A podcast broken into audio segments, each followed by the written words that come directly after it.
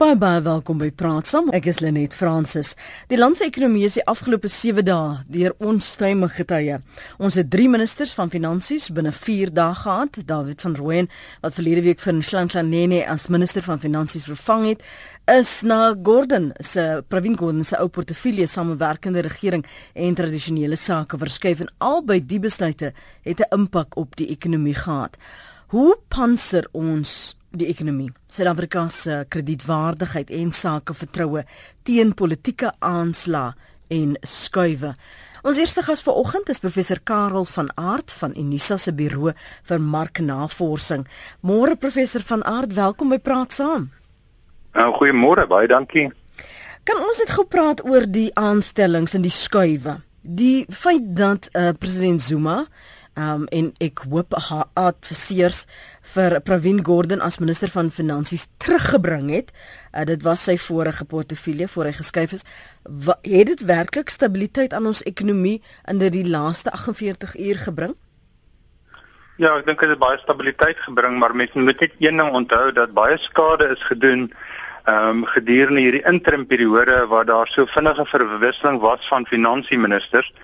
Ehm um, die ander ding is ook is is dat ons moet ook onthou dat dit is nie net die feit dat ehm um, die uh, minister so vinnig vervang is wat skade aangerig is nie maar dit gaan ook oor die politieke syne wat daarmee uitgestuur is.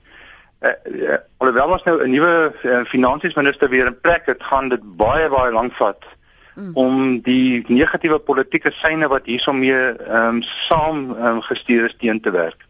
Gepraat van daardie politieke syne help ons om dit beter te verstaan. As jy nou 'n belegger is, hoe kyk jy na al die ek gaan onbestendigheid wat jy sien gebeur en en wat noop jou dan om te sê, "Uh, uh ek vat of my geld of ehm um, ek maak 'n skuif of ek ga, ga, gaan net na 'n ander plek." Wat is die oorwegings wat deur jou kop gaan as 'n belegger wat wat miljoene dalk in 'n land of in 'n sektor belê het? Ja, kom ons kyk na enige ekonomie. In enige ekonomie het jy basies 'n plek wat ehm um, sekere produkte en dienste te koop aangebied word en jy het sekere persone wat geïnteresseerd is om daai produkte en dienste te koop. En jy het ook sekere persone wat geïnteresseerd is om te belê in die vervaardiging van daai produkte en dienste. Nou wat jy byvoorbeeld nou vind is is dat indien die persone wat 'n vraag het vir daai produkte en dienste, dit wil sê die tipiese verbruikers daar buitekant of die persone wat ehm um, die beleggers is wat wat basies die persone is wat geld belê in die die ehm um, skep van die vervaardigingskapasiteit of die vermoë om produksie en dienste te lewer. Daai persone word baie sterk deur sentiment gedrewe in die sin van dat as hy voel hy kan 'n goeie belegging by 'n plek maak of hy kan 'n goeie kwaliteit diens aankoop dan gaan hy dit doen maar die oomblik as daar byvoorbeeld ehm um, goed gebeur soos wat onlangs in ons ekonomie gebeur het, daar so vinnige verwisseling is en daar's alreeds onsekerheid, dan gaan hierdie persone ehm um, baie keer begin dink voordat hy daai produkte of dienste aankoop of voordat hy daai geld belê. Maar ek dink ehm um, die luisteraars kan miskien vir hulself neem dat wanneer hulle byvoorbeeld 'n besluit moet maak om self 'n besigheid te begin, Ehm um, hulle gaan baie werk voor doen voor hulle geld neersit want daar's 'n groot moontlikheid dat jy jou geld kan verloor. Mm. En ek dink wanneer daai persoon en dit is ook dis net so vir 'n nasionale ekonomie, wanneer jy daai besluit gaan maak, is daar basies 3 goed wat gaan bepaal of jy daai geld gaan neersit op die ou einde. Nommer 1 is of jy glo dat daar's werklik 'n mark daar buitekant vir jou produkte. Dit wil sê, is daar genoegsame persone wat op die ou einde die produkte en dienste gaan koop? Ehm um, sodat jy op die einde jou geld kan terugkry. Wat op die oomblik gebeur in hierdie geval in in ehm um, ekonomie Suid-Afrika is is dat die ekonomie trek al klaar nou strop en dit is baie duidelike tekens daarvan dat ons moontlik op pad is na 'n resessie toe en iets is hierdie ehm um, laat die ekonomie net nog stadiger groei, nog negatiewe sentiment. Die die die tweede aspek wat hiermee saamgaan is dat ehm um, persone vir hulself ook gaan vra maar is hierdie ekonomie volhoubaar voordat ek geld aan gaan belê.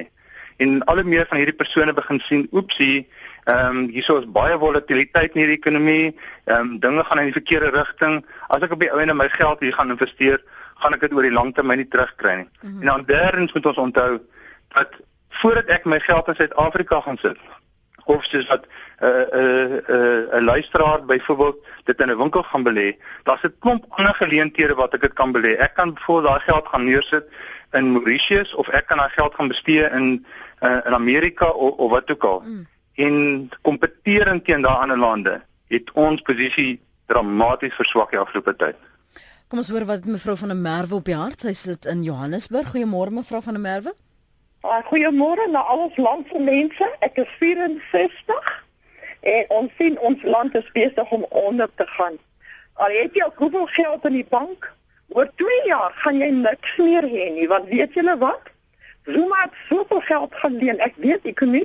Hy het geld geleen op ons land en ons as wat kan dit moet teruggee. Andersins As hulle siener van Rempel se ou boekie gaan lees, gaan hulle sien wat hy gesê het. Hy het gesê in 19 2018 gaan ons land weggegee word aan die Chinese en ons en ek soos ek sê, die ANC moet hulle oopmaak. En kyk, hulle gaan self daaronder suffer, nie net ons nie. Kyk hoe gee ons ai ai ai ai hoe is ons plek oortollig met Chinese mense. Klaar dele gekoop. Kan mense nie hulle oopmaak en sien wat die man met ons land doen? Hy moet uit ons en en 'n kabinet ons soek hom nie meer nie. En ons gaan nie teruggaan na die nasie van blank nie. Ons is een nasie, maak nie saak of ons wat 'n kleur is nie. Ons is almal hier om hierdie land te op te bou. Dis wat ek voel. Ek weet nie of julle saamstem nie, maar regtig waar mense die aansien met hulle oopmaak, hulle moet kyk dat hierdie jaar sy regte stemme stem wanneer hulle gaan stem. Goed mevrou. Dis mevrou van der Merwe in Johannesburg. Wanneer um, of indien um, professor Karl van Hart as uh, Jacob Zuma wel die party verraad of dan nou uh, teruggeroep word, herroep word of hoe dit ook al gebeur. En kom ons sê hy's uit hierdie 'n um, berekening uit. Gaan dit goed wees vir die ekonomie? Is dit net een enkele faktor wat die die die geloofwaardigheid van die ekonomie kwel of 'n uh, kniehalter, wat is die faktore wat dan 'n impak het op of dit goed of beter sal gaan? Ek dink wanneer baie van ons kyk na die ekonomie, dan soek ons vir eenvoudige antwoorde. Ehm um, soos byvoorbeeld 'n eenvoudige antwoord kon wees om van die sekere persone wat die luisteraar nou gesê die Chinese ontslae te raak of ehm um, by dan sê ons moet eers skielik ehm um, baie sterk gaan vir absolute fiskale dissipline of dat ons ontslaa raak van 'n spesifieke staatspresident. Die die een ding wat ons moet onthou is is dat sulke vinnige skuwe is nie goed vir enige ekonomie nie. Wat enige belegger daarso soek is hy soek langtermynverbintenis. So dit wil sê as hy ewe skielik van buite af sien dat die president word nou uitgedruk net soos wat die vorige president meneer Mbeki ook uitgedruk is. Dit gaan baie meer negatief uh vir die ekonomie wees. 'n 'n 'n baie beter ding wat nou kan gebeur is byvoorbeeld en wat tans gebeur het dat die buitelandse beleggers duidelik sien maar daar's demokratisering in die land dat die demokratiese besluite geneem word dat daar wigte en teenwigte is vraag van wie die president is. Op hierdie stadium is dit die beste oplossing om net van 'n spesifieke ehm um, staatspresident te laat gaan. Is glad nie op hierdie stadium iets wat ehm um, goed gaan wees vir die land nie verduidelik net vir ons waarom hierdie portefeulje so sensitiewe portefeulje is. Um ons het gesien on, die die Pravin Gordhan is teruggebring en baie het verwys na David van Rooyen as 'n onbekende. Nene het nou wel onder um en saam met uh, Pravin Gordhan gewerk en, en nie veel afgewyk van die fiskale dissipline wat hy handhaaf het nie. Maar maar waarom 'n uh, uh, vreemde naam so oor reaksie? Ehm um, daar is basies drie kernportefeuilles om dit nou maar so te stel. Mhm.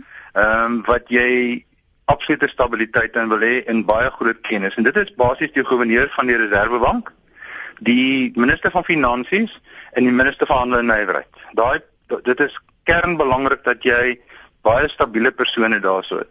Die rede daarvoor is is dat enige staat het basies 3 ehm um, ek ekonomiese doelwitte. Mm. Die eerste ene is stabiliteit. Dit word gehandhaaf deur die Reserwebank.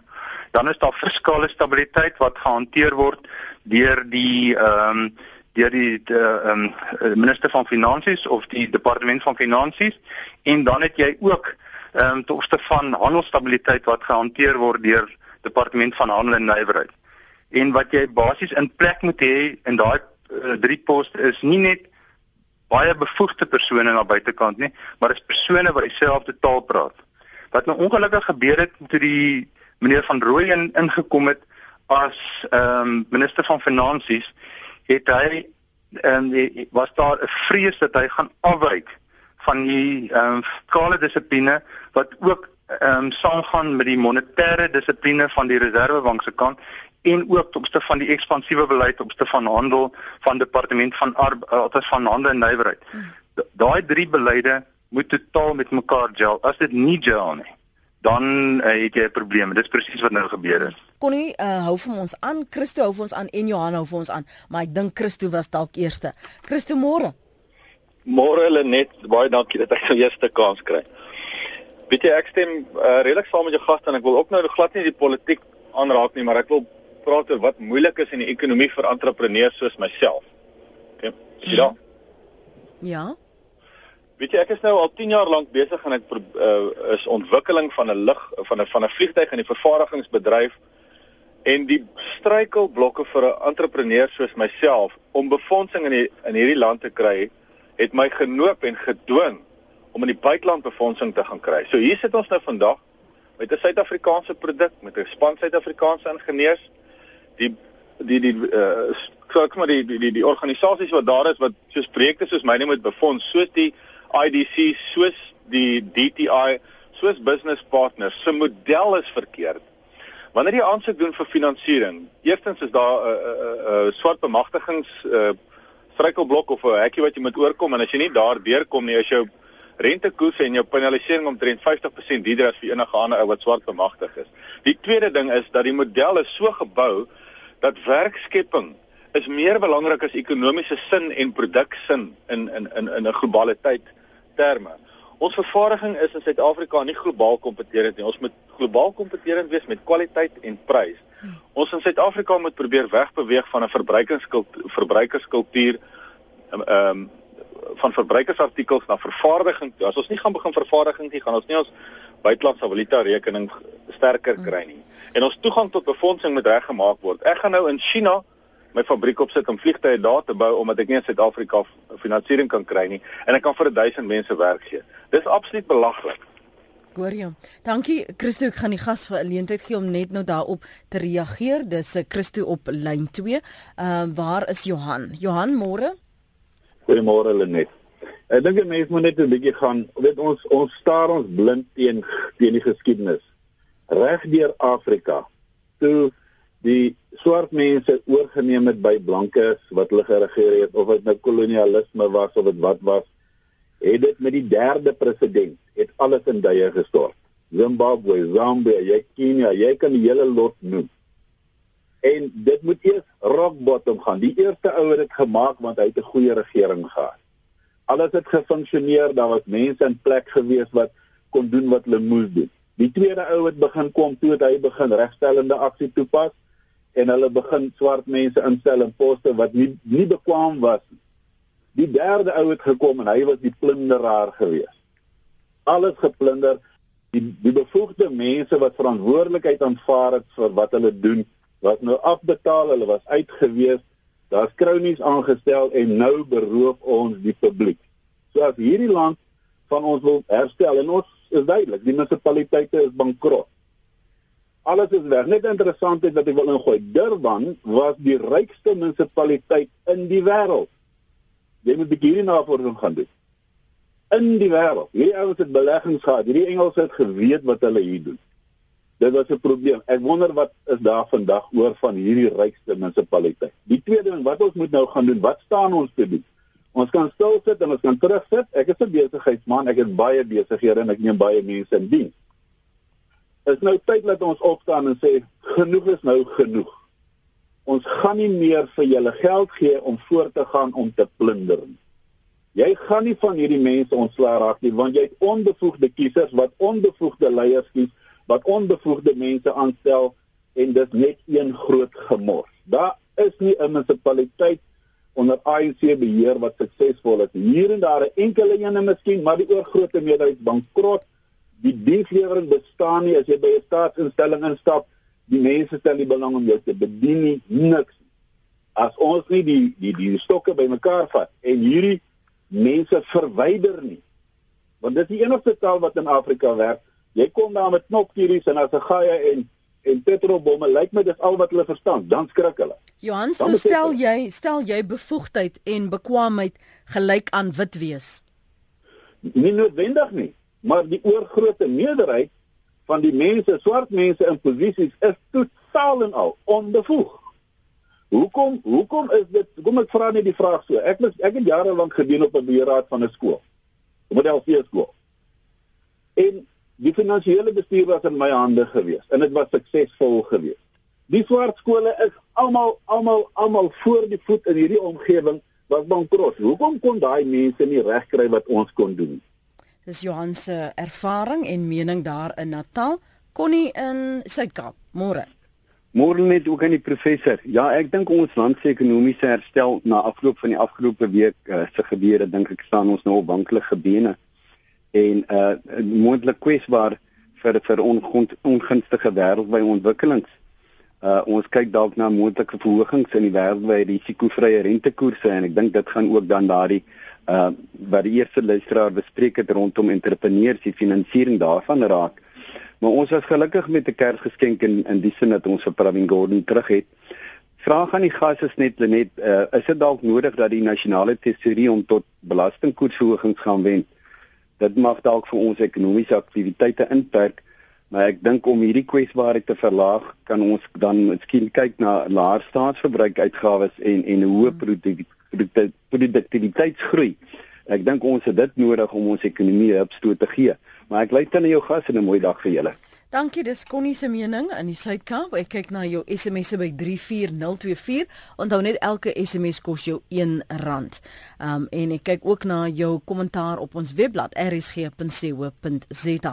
My gas vanoggend is professor Karel van Aart van Unisa se Buro vir Marknavorsing. Kom ons praat oor die, uh, die punte wat ons luisteraars gemaak het tot dusver. Uh, professor van Aart, die finansieringsmodelle wat Christo sê uh, van IDC DTI Business Partners wat foutief is. Um hy ook sê as ons uh, kompeterend wil wees vir al in wêreldmarkte moet ons ons fokus dalk 'n bietjie verander en meer uh, inploeg in vervaardigheidssektore.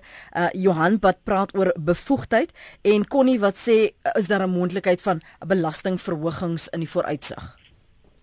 Ja, kom ons gaan net gou deur daai punte by ons by die Buro vir Marknavorsing. Ons doen twee keer per jaar wat ons 'n uh, besigheidskwesbaarheid indeks doen en natuurlik ons hardloop ook op 'n kwartaallikse basis ons verbruikers kwesbaarheidsindeks.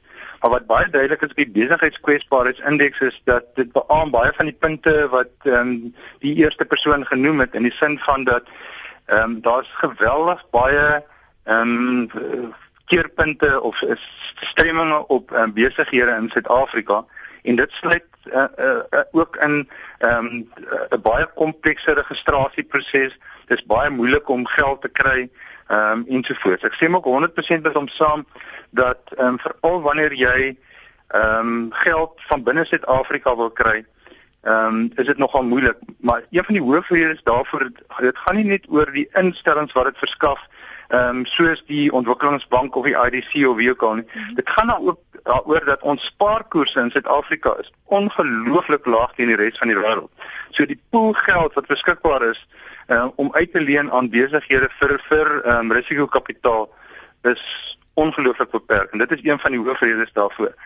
Ook in Suid-Afrika is dit dat wanneer jy gaan kyk byvoorbeeld na die geslaagdheidskoerse van nuwe entrepreneurs, meer as 80% van nuwe besighede in Suid-Afrika ehm um, slaag nie ehm um, of of slaag nie langer as 5 jaar nie.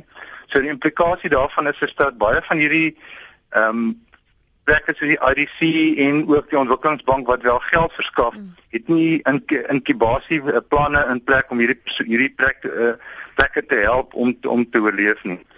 Dan oor die die vraag ten opsigte van ehm um, wanneer mense gaan oor die ekonomiese beleid in Suid-Afrika, ehm um, die spreker het basies daarop aangedui dat ons is nie op 'n korrekte ehm um, ek ekonomiese ehm um, beleidspad nie.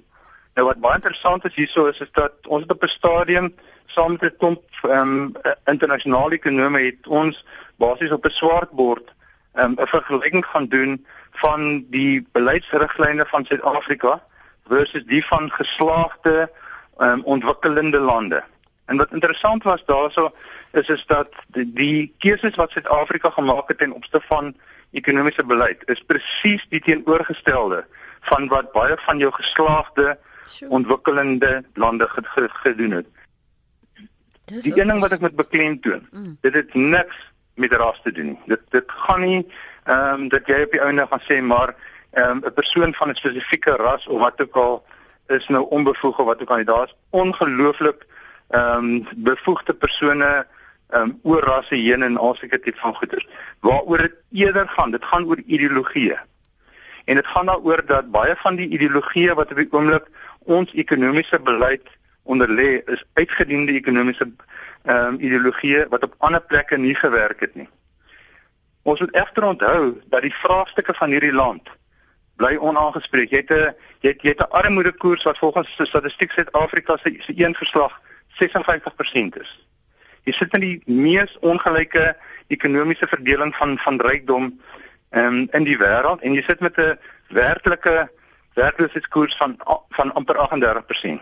Mm. En en um, in in so 'n geval moet 'n mens kyk na alternatiewe maniere. Die een manier wat die laaste spreker genoem het byvoorbeeld is om 'n uh, vraag op te stoot in Suid-Afrika dat daar eenvoudig meer geld in omgang is om hierdie probleme aan te spreek byvoorbeeld deur 'n verhoogde belastinglas.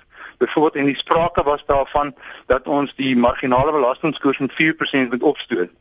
Die probleem daarmee is is dat die oomblik as jy ehm um, dit begin doen, dan ontmoedig jy mense om te produseer en dit wil sê jou werkskepings vlakke gaan nog laer wees as die vlakke wat dit op die oomblik is. Jy moet baie meer begin beweeg na 'n stimulerende ekonomie met laer marginale belastingkoerse waar jy vir mense aanmoedig byvoorbeeld om ehm um, ehm um, meer waagkapitaal in maatskappye te sit om ehm um, harder te werk, meer te produseer ensovoorts. Jy het net genoem dat ons spaarkoerse so swak is en een van die sektore wat die hardste getref is in die laaste 7-8 dae Eh, is die banksektor die die kredietgraderingsagentskap het uh, vier van ja. ons grootste banke afgradeer. Wat beteken dit? Wat beteken dit vir vir die persoon wat uh, geld in die bank het? Um wat beteken dit vir geloofwaardigheid van daardie bank en veral omdat dit vier banke is en ons het maar 'n uh, paar uh, min banke hier in Suid-Afrika. Goeie, kom ons gaan kyk gou wat daar gebeur het. As jy gaan kyk na van jou grootste banke, ehm um, is omtrent al jou groot banke afgegradeer en die eenvoudige rede daarvoor is is dat die primêre ekonomiese blootstelling wat hierdie banke het wat geraak het. Ja. As die as die ekonomie in Suid-Afrika beroerd gaan, dan moet gaan hulle ook geaffekteer word. Interessant is is dat ehm um, 'n ander bank en groot is ehm um, Investec is nie geraak hierdeur nie bloot omdat ehm um, as jy gaan kyk na sy um, beleggingsportefeulje dit is baie meer gediversifiseer oor oor landsgrense heen. Die implikasie vir ehm um, vir baie van die persone wat bank by hierdie banke is nie dat hierdie banke ewe skielik meer onstabiel is of hmm. ehm um, dat hulle ehm um, geld nie meer veilig is nie wat ook al. Maar wat dit wel beteken is is dat wanneer hierdie banke byvoorbeeld ehm um, buitelandse beleggers wil trek, dan gaan baie van daai buitelandse beleggers ontmoedig raak want hulle gaan sien maar hier's 'n negatiewe kredietgradering.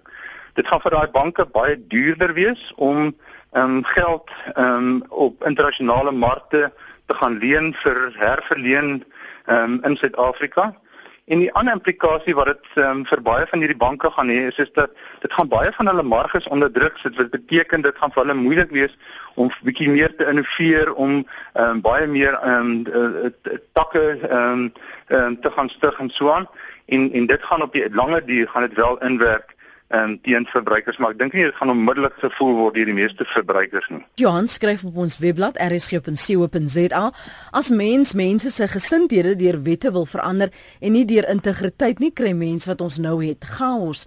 Ons land se naam word gat gemaak deur 'n nar van 'n president. Glo maar die sleg apartheid blankes het die land beter geregeer. Gelukkig is uh die tyd besig om uit te loop.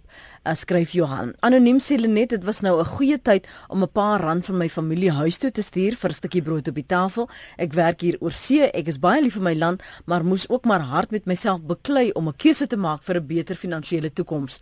Uh, Elisabeth skryf ongelukkig sal net 'n stabiele omgewing die ekonomie regryk op internasionale vlak. Zuma sal moet gaan om een of ander manier. Hy doen nie net die landskade nie, maar sy houding het al soveel kinders beïnvloed wat die volgende leiers van die land moes wie, moet wees, skryf uh, Elisabeth. En Oskido sê hoe beïnvloed die regering se verbintenis en hoop op China en Rusland se ekonomiese as ekonomiese bondgenote die kanse op ekonomiese herstel, veral in aggenome dat ekonomiese graderingsorganisasies oorwegend westers gesind is. Oskido, kom ons parkeer hom eers vir net nou. Kom ons hoor wat het uh, ons ander luisteraars op die hart wat ingebel het. Ehm um, Norman, dankie vir jou aan in die aanhou. Praat gerus. Môre net en môre aan jou gas. Môre. Ek wil net vir Bill Clinton herhaal 'n uh, paar jaar gelede in Amerika. Hy het duidelik gesê, "It's the economy, stupid." Natuurlik is die ekonomie 'n hongerman is 'n gevaarlike man in enige ekonomie. Al twee hierdie bedelings, die vorige bedeling en hierdie bedeling wat ons tans het, lê klem op ideologie. As die ideologie gebaseer is op onlogiese uh, faktore, dan kry ons die situasie wat ons nou het en wat ons ook dan gehad het. Net al hierdie vingerwys help glad nie. Dis nie 'n kwessie van net praat saam, dis 'n kwessie van doen saam sonder die ideologie dat mense saam aan vergeet van al die trade unions en die beperkings wat hulle uitoefen. Daar is 'n noodsaaklikheid vir hulle, maar hulle moenie oorboord gaan met alles nie. As almal net saam trek in Suid-Afrika, daar's baie goeie gesondheid. Al hierdie politieke uitlatings van rasisme, ek hoor maar baie min daarvan want ek praat met baie mense in die straat. Daar's 'n goedwilligheid wat nog bestaan in Suid-Afrika, goed genoeg om saam te trek. Dankie Lenet. Dankie vir die aanhou Norman daar in die Weskaap. Jacques, hou vir my kort, daar's nog 'n paar wat wag môre maak maak se môre my ingeligte opinie en ek het daar baie gesê maar ek wil dit graag weer herhaal. 'n uh, Mens kan nie die politiek van die ekonomie skei nie. Die twee is 'n integrale deel van die swak rand, die uh, die jou geldeenheid. Aan die een kant is dit die die die uh, ou se kopperasse, dis die politikus aan die ander kant is dit die rand of die denominasie. Swak besluite in die een het altyd 'n gevolg op die ander. En ons het dit nou gesien. En ons het ook gesien dat 'n goeie besluit het weer teenoor gevolg teenoorstelde gevolg. Die ander ding is net dit het niks met ras te doen nie. Dit gaan oor gesindhede. In hierdie land is gesindhede nie reg nie. En uh, jy kan nie sê dat iets is belangriker as jou land en sy mense nie.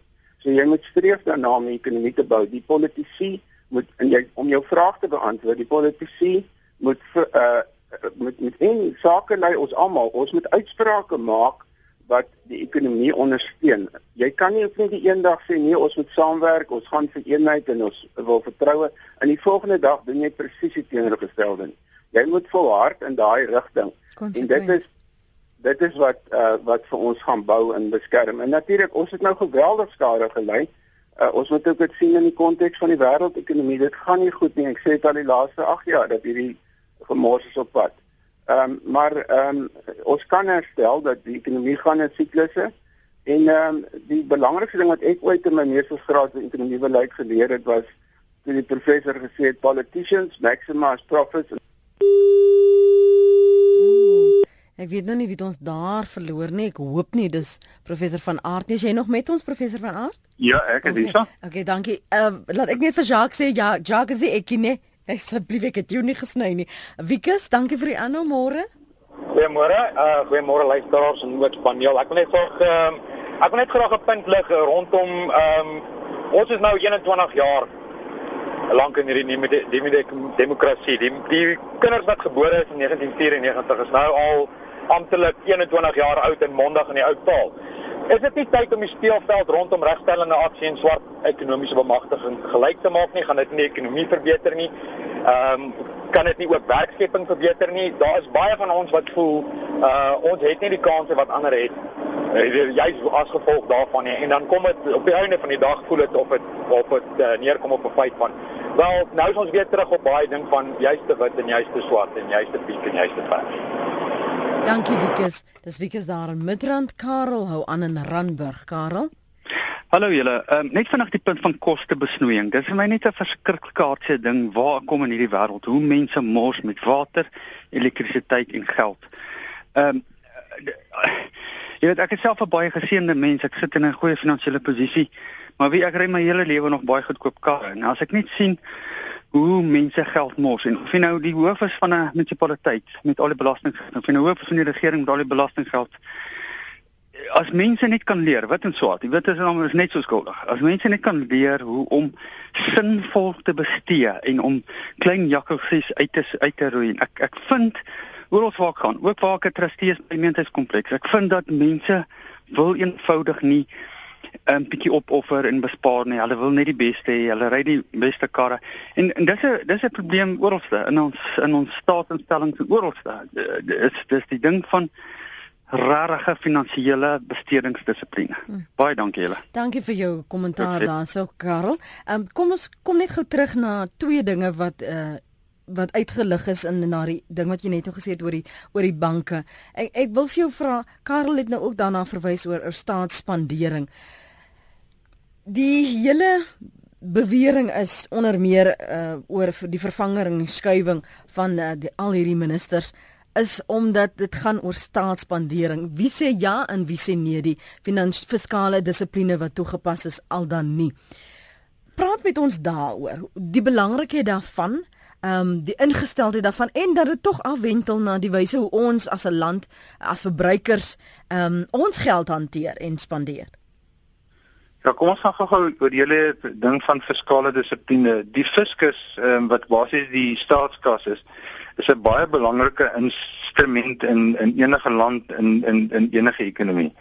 En wat basies uit die fiskus uit moet gebeur is dat ehm um, ehm um, dienste en produkte vir die staat met so koste-effektief soos moontlik aangekoop kan word. So jy jy soek die minimum korrupsie ensovoorts. Maar die fiskus het ook 'n ander doel. En dit wil sê en die doel daarvan basies is dat wanneer jy slegte ekonomiese ehm um, tye tref, moet daar genoegsame geld in die fiskus wees om die lae bestedingsvlak op daai stadium in die land op te top sodat jy jou basies uit die resessie uit kan spandeer.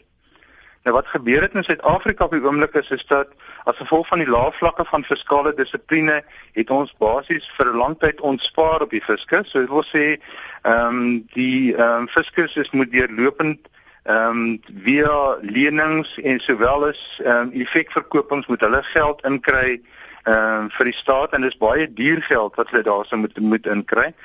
En ehm um, die krediet ehm um, die kredietgraderingsagentskappe fokus ook op die feit dat die fiskus ontspaar deur te sê maar wag 'n bietjie. Ehm um, die fiskus leef nie binne die perke van bekostigbaarheid vir Afrika nie. En en dit is 'n probleem. So dit wil sê uit die probleem vir oomblik is is dat daar's nie genoegsame opgepotte geld om ons uit te spandeer uit 'n uh, resessie nie en um, ons leef ook baie meer ehm um, uh, ons leef baie duurder as wat ons veronderstel is om te leef. En al hierdie goeders lei daartoe dat jy basies op 'n nasionale vlak maak hierdie land onstabiel. Mm. Ons praat nou met eh, professor Karel van Aart van Unisa se Buro vir Marknavorsing. Dit was hy wat die laaste woord daar gehad het. En uh, intussen het professor Janie Rousseau by ons aangesluit. Hy is by die skool vir ekonomiese en sakewetenskappe by Wits en ook voormalige adjunk hoofbestuurder van die Suid-Afrikaanse Reservebank. Professor Rousseau, dankie môre. Ons het môre net môre Karel en môre aan ons luisteraars. Die ons het Môre Jannie. Ons het sopas 'n bietjie gesels oor fiskale dissipline. Ek wil jou vra onderskat ons die invloed van graderingsagentskappe en onderskat ons president die klimaat, die ekonomiese klimaat wat in die land en in die wêreld heers om enigsins enige van hierdie skuwe te te maak.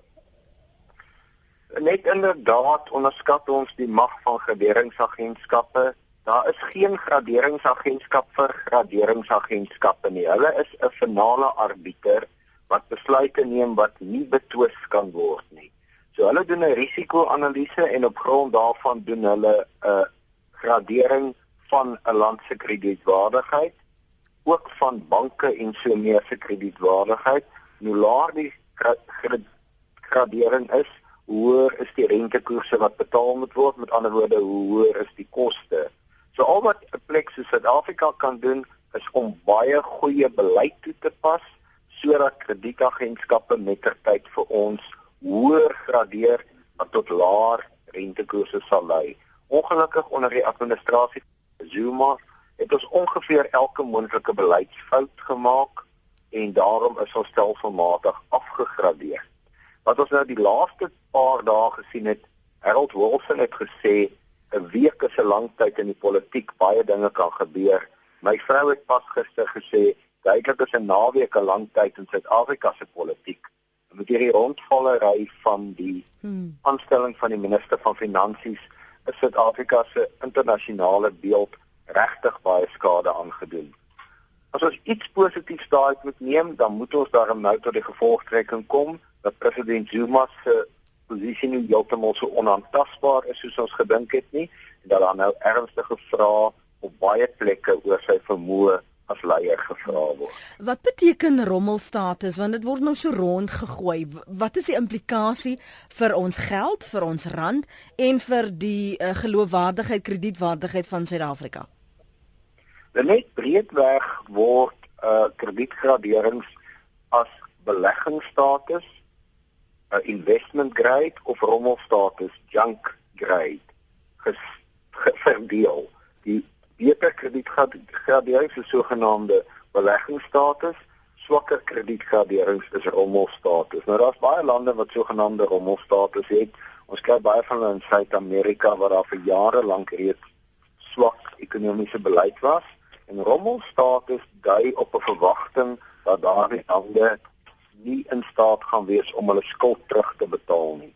So as Suid-Afrika se kredietgradering na rommelstatus daal, is dit 'n aanduiding wat gegee word deur kredietagentskappe dat hulle verwag dat Suid-Afrika iewers in die toekoms nie sy staatsskuld sal kan betaal nie en gevolglik staan dan 'n hoër rentekoers op sulke staatsskuld. Vroeger vanoggend het Oskido uh, net so na agte vrae gevra en gesê hoe beïnvloed die regering se verbintenis en die hoop op China en Rusland as ekonomiese bondgenote ons kans op ekonomiese herstel professor Rousseau.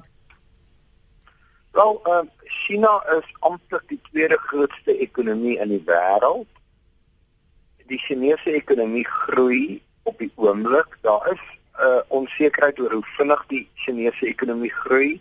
Ek het tot die gevolgtrekking gekom dat 'n mens nie regtig die ekonomiese data wat China publiseer net so kan aanvaar nie dat daar wel met die data gepeter word, maar dis nie teenstaande groei die Chinese ekonomie en daarom sal China oor tyd meer uitvoere van Suid-Afrika neem en dit sal voordelig vir ons ekonomie wees as ons uitvoere kan verhoog. Ons moet daarom net versigtig wees. Ons is teenoor China 'n baie baie klein ekonomie En ons moet regtig versigtig wees dat die Chinese nie alle transaksies struktureer wat dit enkelvoudig in die langtermyn tot hulle voordeel is. Mm, mm, mm. Ons moet regtig hierdie transaksies baie mooi ondersoek om seker te maak dat daar voordeel ook aan die Suid-Afrikaanse kant is. Die een punt wat ehm um, ter sprake kom die heeltyd is die die die geld vir die kernkragsentrale, die bou van kernkragsentrale en dan ook die nuwe uh, vliegtye, die ooreenkoms wat geëer moet word met Boeing, die Airbus, um, by die Suid-Afrikaanse lugdiens. Nou sê van Pravin Gordhan, daar as daar geld is, dan kan ons dit oorweeg. So, het ons glad nie geld nie. Uh, professor Rousseau is is dit uh, hoekom die staatsbeseding elke keer ter sprake kom Aan die een kant is daar die vraagstuk of ons dit kan bekostig. Na my mening kan ons dit gewoon nie in die huidige formaat bekostig nie. Aan die ander kant is Suid-Afrikaners baie suspisieus dat daar groot korrupsie in middel van hierdie transaksies is en dat daar korrupte betalings gaan plaasvind wat sekere politici gaan bevoordeel. Hmm. Dit is nie die vrees van die Suid-Afrikaners dat korrupsie soos in die wapenskandaal gaan plaasvind dat dit vir ons baie geld gaan kos oor SAL, oor die lugdiens wil ek net sê, die regering moet tog maar die ding weggee. SAL het reeds so baie geld gekos. Ek dink nie hy kan meer in sy huidige formaat verkoop word nie. Dit sal vir Suid-Afrikaanse belastingbetalers eenvoudige goedkoper wees as die regering dit weggee aan enige iemand wat dit wil hê eerder as om dit nog 'n keer te probeer herkapitaliseer. Ek dink regtig nie SAL is nie enige waarde nie. Hmm. Dis Kersfees wat om die draai is. Mense draai hulle geld 2, 3, 4 keer om want die waarde van die rand het so aansienlike knou gekry. Maar net jy net ook gesê professor Karel van Aart, ehm um, die resessie flikker. Hoe ver of hoe naby is ons dan van dit af en wat wat moet ek as 'n verbruiker dan in gedagte hou? En stem jy saam professor sou dat ons naby aan 'n resessie is, dat ons midde 'n resessie is? Kom ons hoor gou vir Karel. Karel? Ehm um, wanneer ons byvoorbeeld nou kyk na die situasie van die verbruikers in Suid-Afrika, daai die ehm um, verbruikers ehm um, kwesbaarheidsindeks wat ons um, doen op 'n kwartaallikse basis het vir ons baie duidelik gewys dat jou verbruikers in Suid-Afrika ehm um, hierdie afgelope jaar al hoe meer kwesbaar geword. En onthou dat 60% van jou bruto binnelandse produk gedryf word deur vir verbruikspandering. En ehm um, sodat ons ook vanoggend gepraat het is jou ehm um, staat se vermoë om te spandeer is ook onder druk as gevolg van die fiskale situasie waarna is. So die enigste implikasie daarvan is is dat ehm um, jou twee van jou twee van jou belangrikste bydraers tot bruto binnelandse produk wat so onder druk is, gaan daartoe lei dat ons in 'n afwaartse spiraal ehm um, gaan ten opsigte van ekonomiese groei.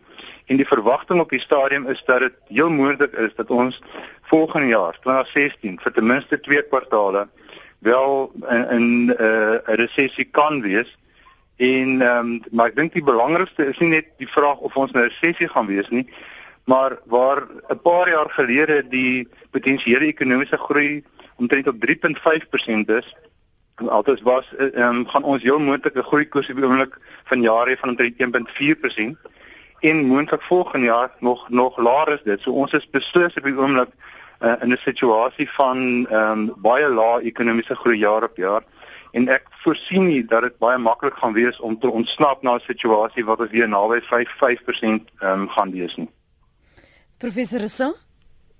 Ja, ek stem saam met Karel oor die gevaar van 'n resessie. Ek moet uh, ook daarom daarop wys dat die regering moet verder besuinig, mm -hmm. maar ek verwag ongelukkig belastingverhogings volgende jaar, so dit sal swaarder gaan met belastingbetalers. Ek wil ook die punt maak Eh, saam met my dogter Karina het ek uitgewerk dat die staat elke jaar 2.9 miljard rand se ingevoerde voertuie koop. Ja. En dit is iets waar gedrag onmiddellik kan verander. Mm. Koop plaaslik vervaardigde voertuie en stimuleer op daardie wyse die plaaslike ekonomie. Hoekom moet ingevoerde voertuie vir byvoorbeeld politici gekoop word?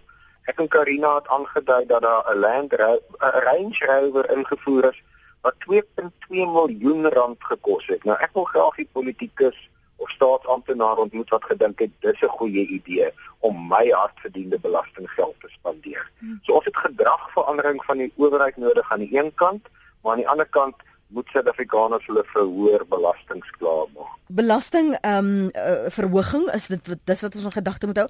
Watter plaaslike plaaslike watter praktiese oorwegings kan ons nou al begin toepas voor die Kersfees?